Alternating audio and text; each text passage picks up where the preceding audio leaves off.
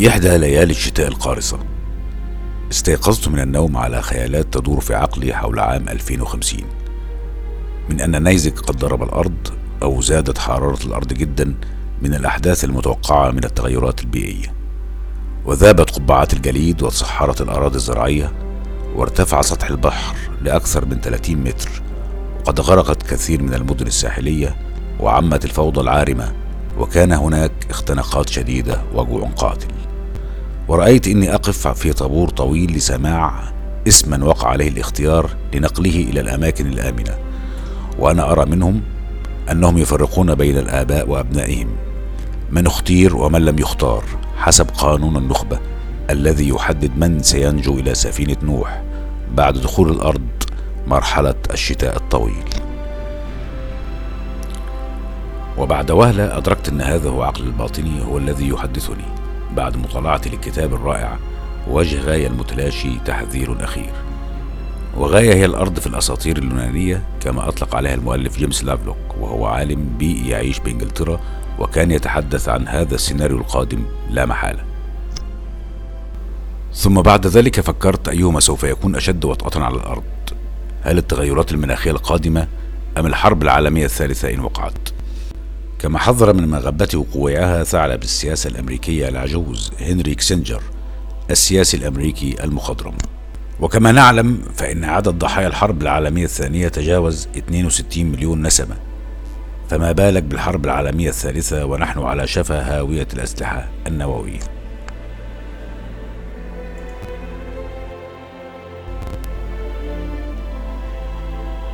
لكن تبادر لي هذا السؤال.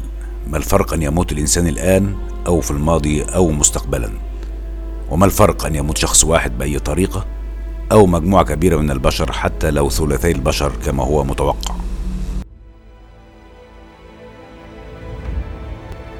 وما جدوى الصراعات السياسية وثورات الشعوب التي مات من أجلها الآلاف مقابل الوعود السياسية والبرامج الاقتصادية للمجتمعات بخلق مجتمعات أكثر حرية وعدلا؟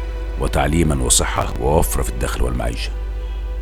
وما هي جدوى الإسهامات العلمية والاختراعات البشرية التي تعمل على رخاء الإنسان؟ إن كانت الحقيقة الوحيدة المؤكدة لنا جميعا إننا إلى زوال لا محالة ولا وجود لحلم الخلود. وهل كانت المتصوفة على حق حين اعتزلت مناحي الحياة وسلكت طريق الجبال وعاشت هناك ثم توجهت إلى مكتبة كبيرة كنت معتاد الذهاب إليها وكنت أطالع بها بعض الكتب في علم مقارنة الأديان أو ما يسمونه فضاء معرفي لفهم الآخر أو الملل والنحل لكن حينها كنت مقتصرا على أديان السماوية فقط ثم قابلت هناك شاب لطيف كان عائدا توه من اليابان وتبادلنا أطراف الحديث وسألني عما أبحث عنه فشرحت له الموضوع لكنه فاجأني بسؤال هل قرأت البوذية؟ فقد تكون أكثر منطقا. وأنا أعلم أن البوذية لها وزنها حتى خارج أراضيها. فشخصية كستيف جوبز مؤسس شركة أبل كان قد اعتنق البوذية في سن مبكر. نظرت له وأنا في دهشة شديدة. وعلى هذا المنوال تذكرت كتاب المعتقدات الدينية لدى الشعوب لجيفري بارندر أستاذ مقارنة الأديان في جامعة لندن وهو كتاب ضخم وقيم جدا في الحد ذاته. ولأني أعلم أن عدد الديانات في العالم عبر التاريخ بلغ حوالي عشر آلاف دين متميز والشهير قد يبلغ 300 معتقد. لدى الشعوب ذلك لأنه لا توجد جماعة بشرية مهما تكن بدائية ليس لديه أفكار عن موجودات تعلو على الطبيعة يعتمد الإنسان في وجوده عليها. وبعملية حسابية بسيطة وجدت لكي تطالع عن كسب وبعمق عدد معقول من المعتقدات لدى الشعوب قد يستغرق ذلك عدة سنوات طويلة. وعلى ما أعتقد أنك عندما تصل إلى دراسة المعتقد الأخير حتما ستكون نسيت المعتقدات الأولى التي قرأتها فضلا عن أن المخ البشري قد لا يستطيع أن يقارن بين أكثر من سبع من البدائل في الوقت نفسه. شكرته وسلمت عليه وتركته. وأنا لا أزال أفكر في خروج من هذا المأزق الفكري أو الشتاء الفكري إن صح التعبير. دمتم على خير وتابعونا في الفصل التالي إن شاء الله.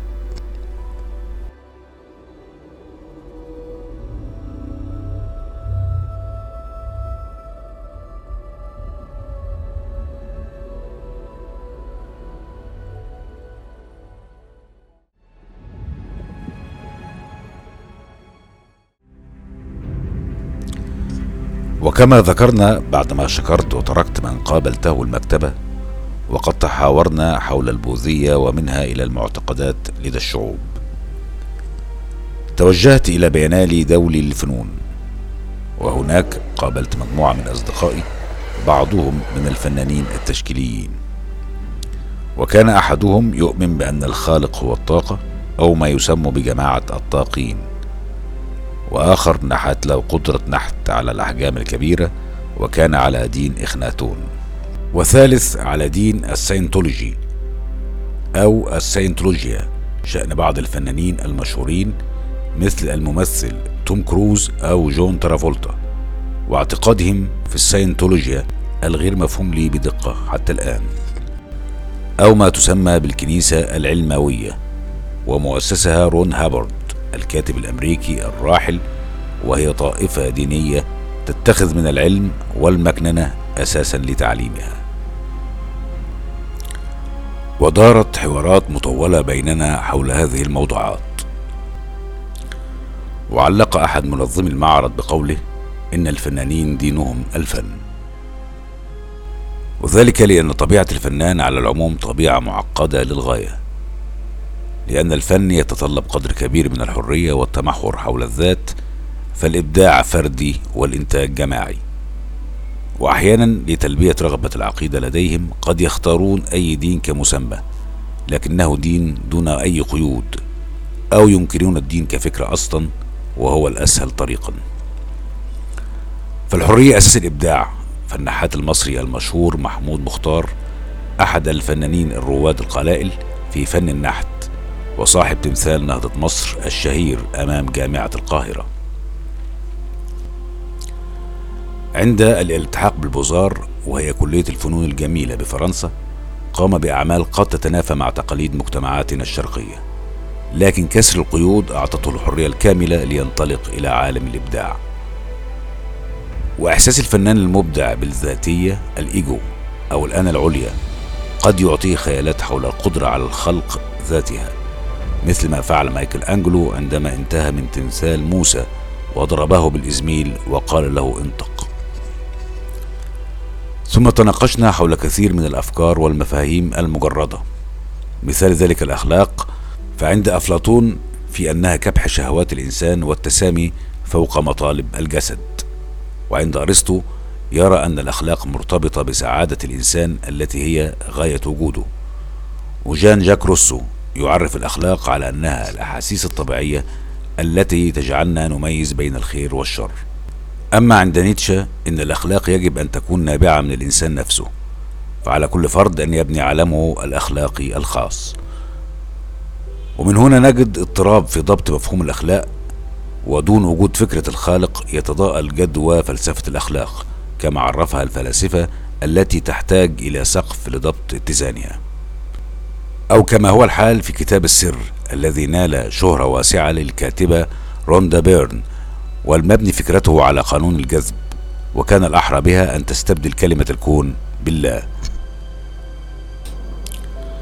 ثم أردف صديقي قائلا إن الإيمان بوجود خالق ما هو إلا موروث من موروثات وتقاليد الشعوب تنتقل من جيل إلى آخر حتى ترسخت في غالبية عقول الشعوب.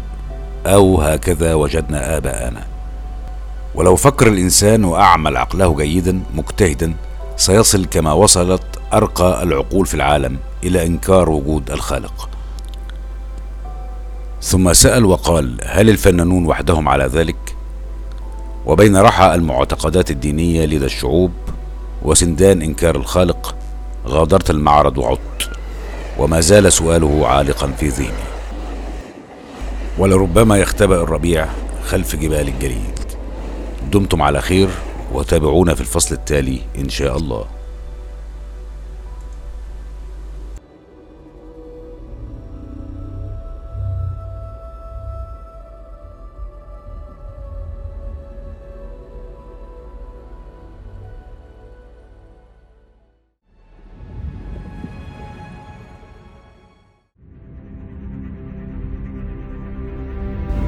وكما ذكرنا في الفصل السابق قال صديقي لو فكر الإنسان وأعمل عقله جيدا مجتهدا سيصل كما وصلت أرقى العقول في العالم إلى إنكار وجود الخالق.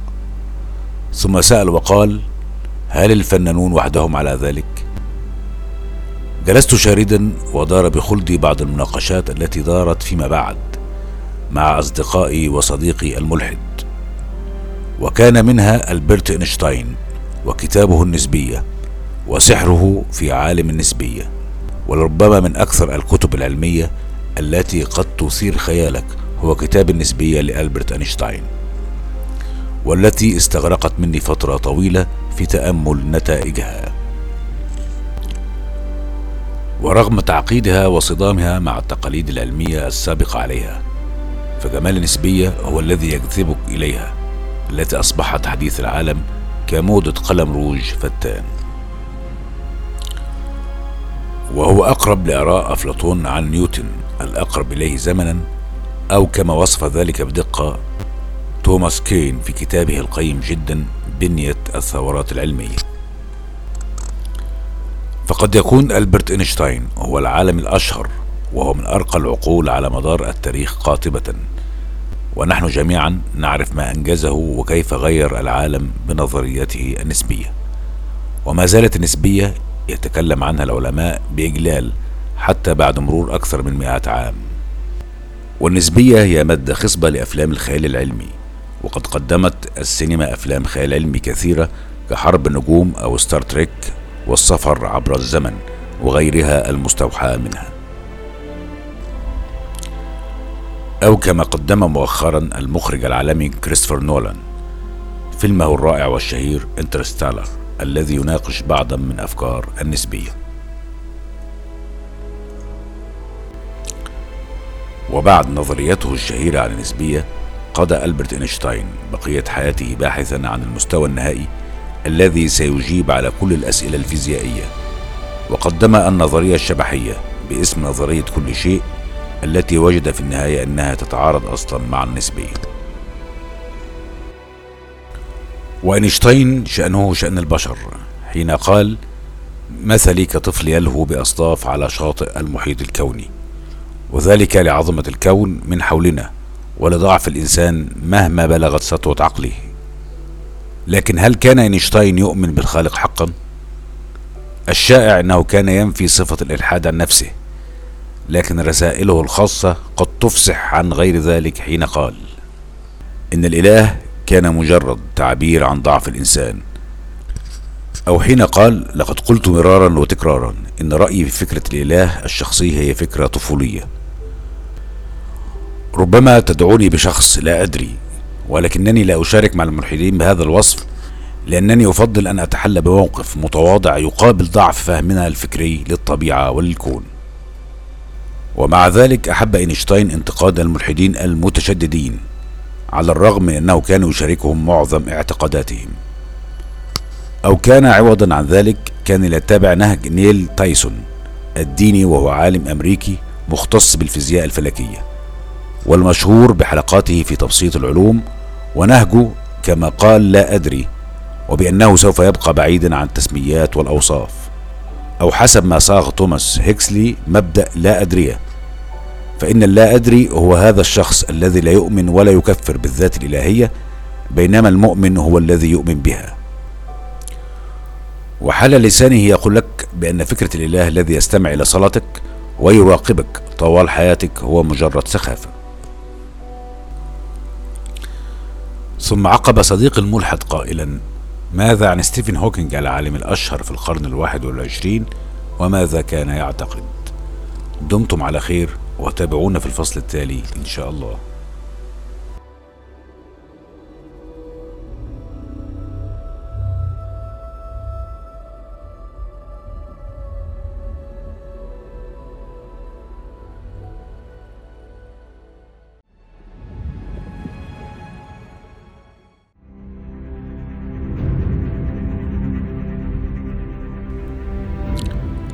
وكما ذكرنا فقد خضنا في سحر ألبرت أينشتاين.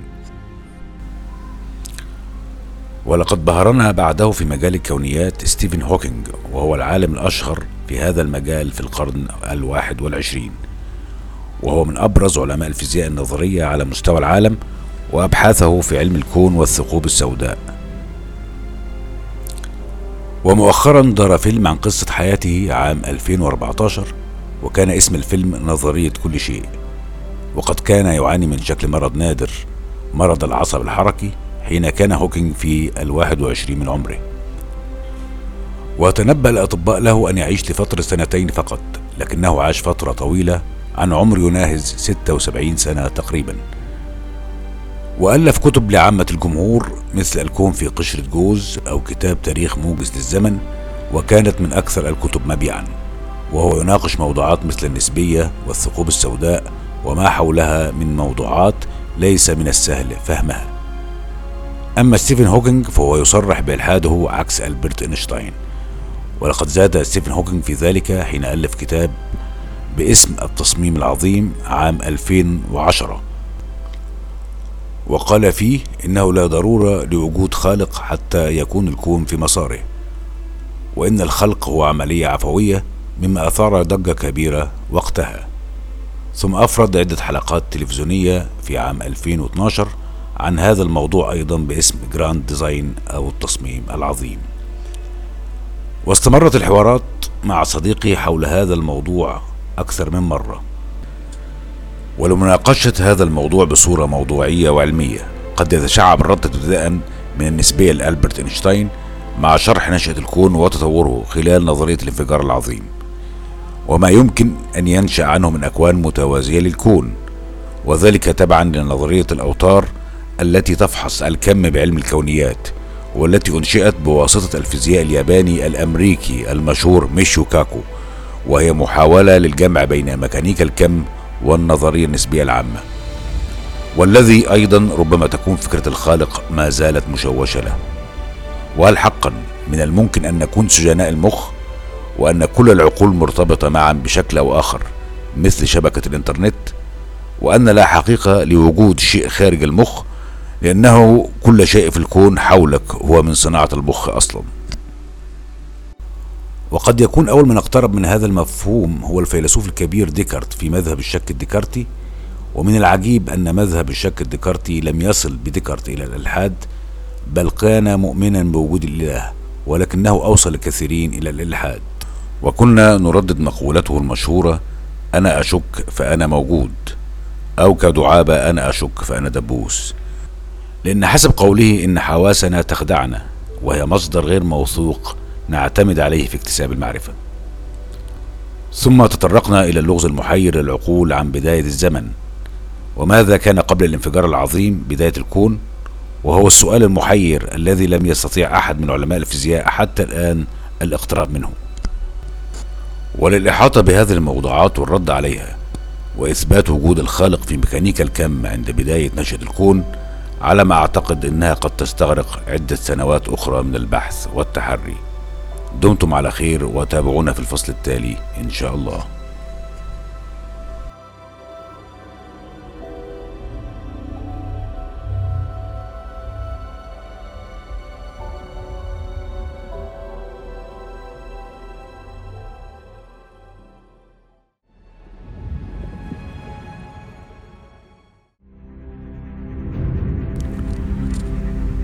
وبعدما ذكرنا في الفصل السابق ستيفن هوكينج وإشكالية إثبات وجود الخلق في ميكانيكا الكم عند بداية نشأة الكون. بدأنا بجولة خاطفة في عقول العلماء الذين لهم وزنهم في تاريخ العلم والذين صرحوا بإلحادهم أيضا. لكن بطبيعة الحال ليس كل العلماء ملحدين. لكن على ما يبدو كثيرا منهم إما لم يصرح بإلحاده أو إن فكرة الخالق مشوشة لديه أو مهمشة. وليس لها أي صدى حقيقي في حياته. مثال ذلك برتراند راسل الفيلسوف الشهير في القرن العشرين والحائز على جائزة نوبل والذي يعتبر من أهم علماء المنطق في القرن العشرين. وهو الملحد الذي يؤمن بالإنسان والذي ألحد في سن الخامسة عشر. أو كما قال فكرة أن الأشياء لابد أن يكون لها بداية تعزي إلى فقر خيالنا. يصف راسل نفسه بأنه لا أدري ولكنه ملحد حين يتكلم. يرى راسل أنه لا يستطيع دحض الإله المسيحي على غرار الطريقة التي لا يستطيع بها دحض الآلهة الأولمبية. حافظ راسل على وجهة نظره أن الدين هو أكثر قليلا من الخرافات وعلى الرغم من أي آثار إيجابية قد يقدمها الدين هو ضار إلى حد كبير على الناس. وأعرب عن اعتقاده بأن الدين والنظرة الدينية تعملان على إعاقة المعرفة وتعزيز الخوف والاعتمادية وهي مسؤولة عن الكثير من الحروب في العالم والقمع والبؤس. وفي حفل ميلاده التسعين واجهته امرأة من العامة وسألته ألا تخاف يا برتراند وأنت في التسعين وقد قاربت الموت أن تقابل ربك؟ فقال لا لو كان هناك رب موجود فسوف أجادله كما يجادلني وحين يسألني لما لم تؤمن بي فسأرد عليه لماذا لم تعطيني من البراهين الكافية ما يقنعني بوجودك؟ ومثال ذلك أيضا العالم جيمس واتسون الحائز على جائزة نوبل أحد مكتشف بنية الدي إن إيه وهو الشريط الوراثي أو الحمض النووي. وقد قال في حديث تلفزيوني له إنه لو كان يذهب يوم الأحد إلى الكنيسة مع أمه أي معترفا بالخالق ما كان بحث أصلا عن سر الحياة. ومثال ذلك أيضا الشهير كارل ساجان وهو فلكي أمريكي من أبرز المساهمين في تبسيط علوم الفلك والفيزياء الفلكية وغيرها من العلوم الطبيعية الذي قال إن جدته القديمة ربما تكون أبسط خلية حية وأن باستطاعتنا أن نخلق مثلها لو توافرت لنا الظروف المناسبة. وقال لا تستطيع أن تقنع المؤمن بأي شيء فإيمانه لا يستند على أدلة وإنما على حاجة ماسة للإيمان. أو ريتشارد فاينمان عالم فيزياء أمريكي والمعروف بإسهاماته في ميكانيكا الكم وكذلك إسهاماته في عمليات الحوسبة لمعالجة كميات هائلة من العمليات الحسابية. والحاصل على جائزة نوبل أيضا. وقد صرح فاينمان أنه كان ملحدا صريحا منذ شبابه. ومن أقواله تم اختراع الإله ليفسر ويشرح الأشياء التي لا نفهمها. والآن وبعد إن اكتشفنا كيف تعمل الأشياء جردنا هذا الإله من أسباب وجوده وأصبحنا لا نحتاج إلى وجوده. وهل كان سيغموند فرويد عالم النفس الشهير ومؤسس علم التحليل النفسي يهوديا أم ملحدا؟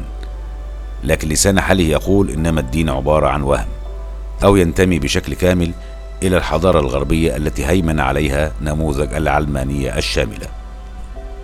أو كما قال الفيلسوف كارل ماركس أحد عظماء الاقتصاديين في التاريخ ومؤسس الحركة الشيوعية والاشتراكية إنما الدين أفيون الشعوب.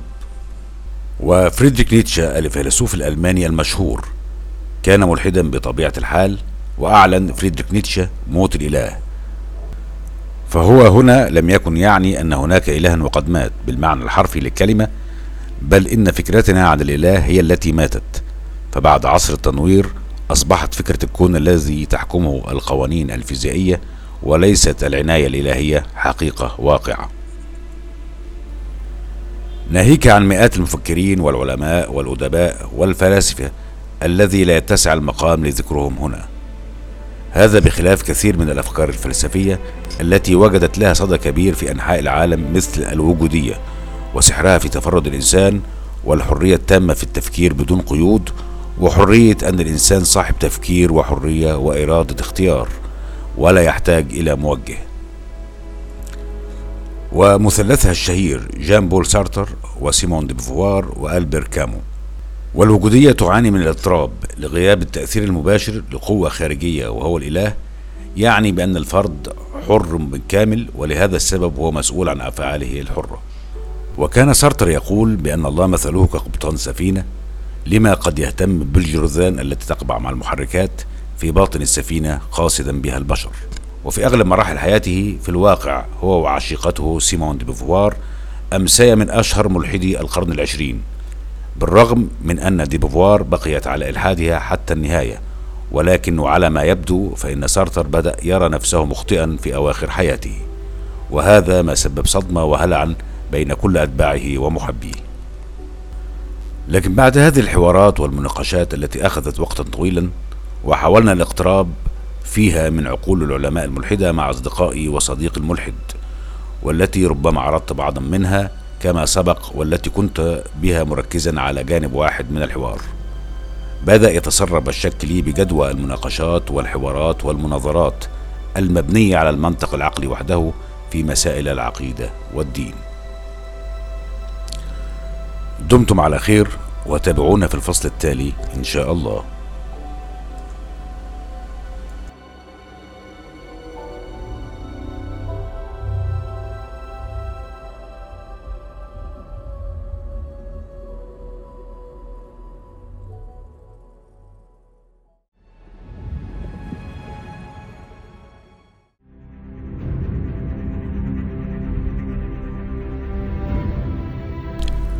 وكما ذكرنا بعد الحوارات والمناقشات التي أخذت وقتا طويلا وحاولنا الاقتراب فيها من عقول العلماء مع أصدقائي وصديقي الملحد والتي ربما عرضت بعضا منها كما سبق والتي كنت مركزا بها على جانب واحد من الحوار.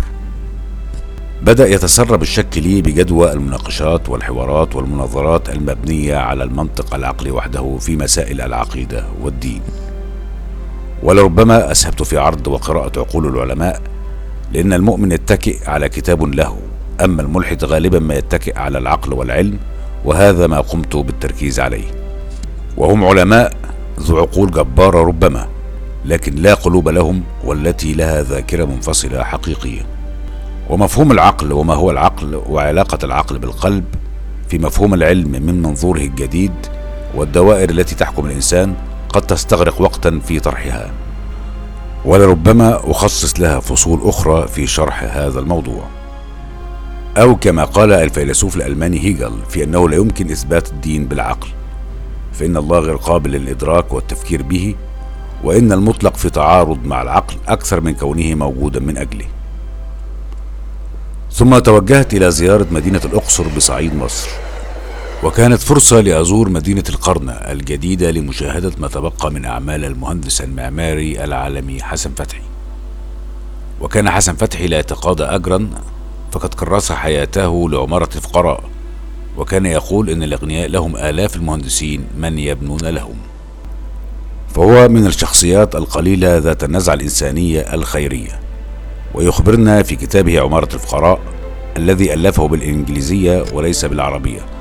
رغم أنه كان يناقش مشاكل القرية المصرية وذلك لأنه شعر أن من سوف يهتم بكلامه بلاد العم سام وليس بلده ولقد تحقق ذلك فعلا وطبقت أفكاره بقرية دار السلام بنيو مكسيكو بأمريكا ونال عدة جوائز دولية.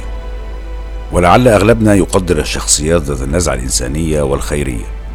ولعلهم ينالون تقدير كبير في حياتهم لكن على ما أعتقد دون مفهوم الثواب والعقاب الأخروي قد يتضاءل جدوى مفهوم الخيرية هذا. وكان في استضافتي في قرية القرن امرأة إنجليزية كانت تعيش هناك. وقصت لي قصة غريبة في كيف أنها استيقظت من النوم ورأت فجأة شيء غير معتاد وكان هو طريقها إلى الله. وكنت منتبها لكلامها منصتا لها باهتمام وهو كلام ليس به أدوات العقل والعلم. لكن هذه الحالات الخاصة على ما أعتقد أنه لا يمكن تعميمها. ثم توجهت إلى أحد القرى هناك وتصادف معي أنه كان برفقته مجموعة من الشباب من جنوب شرق آسيا. وكنا كلنا غرباء عن المكان وكانوا أتقياء وورعون. وكنا نريد التوجه إلى مكان معين. ولكن كل ما هممت بسؤال أحد المرة عن عنوان المكان المقصود كانوا ينهرونني ويقولون نحن لا نسأل إلا الله. وكلما دخلنا حارة أو طريق وربما يكون مسدودا وهممت بالسؤال ينهرونني ويقولون نحن لا نسأل إلا الله. وتكرر هذا الموضوع أكثر من مرة ونحن ندور في القرية دون الاهتداء إلى العنوان المطلوب. وعندما مللت من السير دون جدوى أوقفت أحد المارة ولم أستمع لهم هذه المرة وسألته عن العنوان فأجابني ووصلنا إلى العنوان المقصود. ورغم استنكاري لهم أول الأمر في أنهم لا يأخذون بطريق الأسباب لكن بعد فترة أدركت أنهم على حق ولكن يمكن اعتبار ذلك أنه صالح للخاصة وليس لعموم الناس. لكن هذا الموقف تحديدا أنار لي الطريق ووجدت الأجوبة التي كنت أبحث عنها وجواب لصديقي الملحد والباقون الذي ظللت فترة غير قصيرة في حوارات ومجادلات معهم. وكما وجد حسن فتحي ضالته في صعيد مصر حين وجد أحد البنائين الذين توارثوا طريقة البناء الفرعونية في بناء القبب من الطين دون شدات خشبية لتوفيرها. وجدت أنا ضلتي أيضا. دمتم على خير وتابعونا في الفصل التالي إن شاء الله.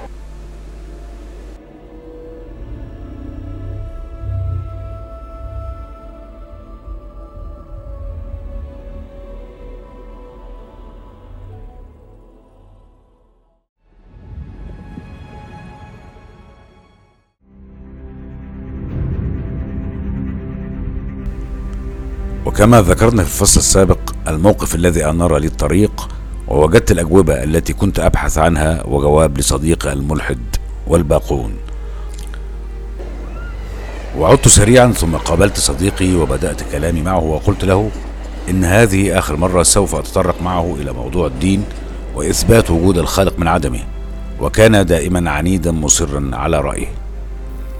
ثم عقبت وقلت له خلال الفترة الطويلة الخالية تبين لي عدم جدوى مناقشة موضوع العقائد والأديان ووجود الخالق من عدمه بالمنطق العقلي والديالكتيك أو المناظرات. وأن ما يحجب الإنسان الحقيقة أحيانا الشوفونية أو الإحساس الزائد بالأنا والانبهار بالعقل والعلم فتعمل كضباب على القلب فلا يرى من خلاله الطريق. وفي الحقيقة لو فكرنا لوجدنا أن مجموع كل العلوم المتاحة لنا حاليا على الأرض هي قليلة جدا بالنسبة للحقيقة الكلية للكون وهذا باعتراف العلماء أنفسهم. ومهما بلغ الإنسان من علم فهو قليل جدا من قليل أصلا من العلم الكلي. وإن رسالات الله إلى العالم أجمع لم يختص بها المتعلمين فقط أو ذوي العقول الكبيرة ونحن نرى الأمية على كل مراحلها حولنا في كل أرجاء العالم والذي لا يعرف بعضهم حتى قراءة أي كتاب. ولهذا يسلك إيمان العوام طريقا آخر غير معطيات العلم والعقل. فرد علي قائلا يبقى كل منا له منهجه المختلف في الوصول إلى الحقيقة. فقلت له إن هذا صحيح لكن عليك أولا ترى نفسك في وضعها الضئيل. ثم تجرب أن تسأل الله. فعقب وقال أي إله وأي دين؟ فقلت له الذي يرد عليك. وقلت له أتدري ما السبب في أن المسلمين يقرؤون سورة الفاتحة سبعة عشر مرة كل يوم؟ السبب إنها مفتاح للوصول إلى الله وإلى الدين. فكثير من المستشرقين أعلم بكثير من المسلمين في علوم الدين ولهم إسهامات عديدة في علوم الفهرسة وخلافه وفهرسة علوم الحديث. لكن بالرغم من ذلك لم يؤمنوا لأنهم دخلوا الدين من غير هذا المفتاح.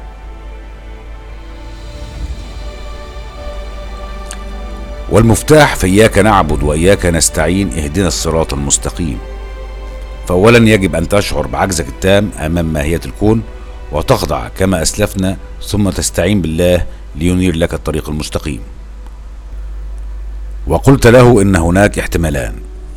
إما لا وجود للخالق كما تدعي أو إنه موجود.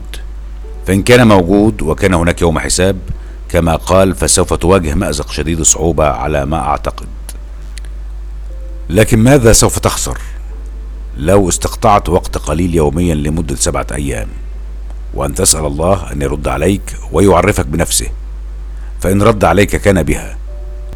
وإن لم يرد عليك وكان هناك يوم حساب يمكن أن تقول له أنك سألته ولم يرد عليك وأعتقد حينها سيكون لك عذر قوي جدا. وسلمت عليه وتركته وكانت هذه آخر مرة في الكلام معه في هذا الموضوع.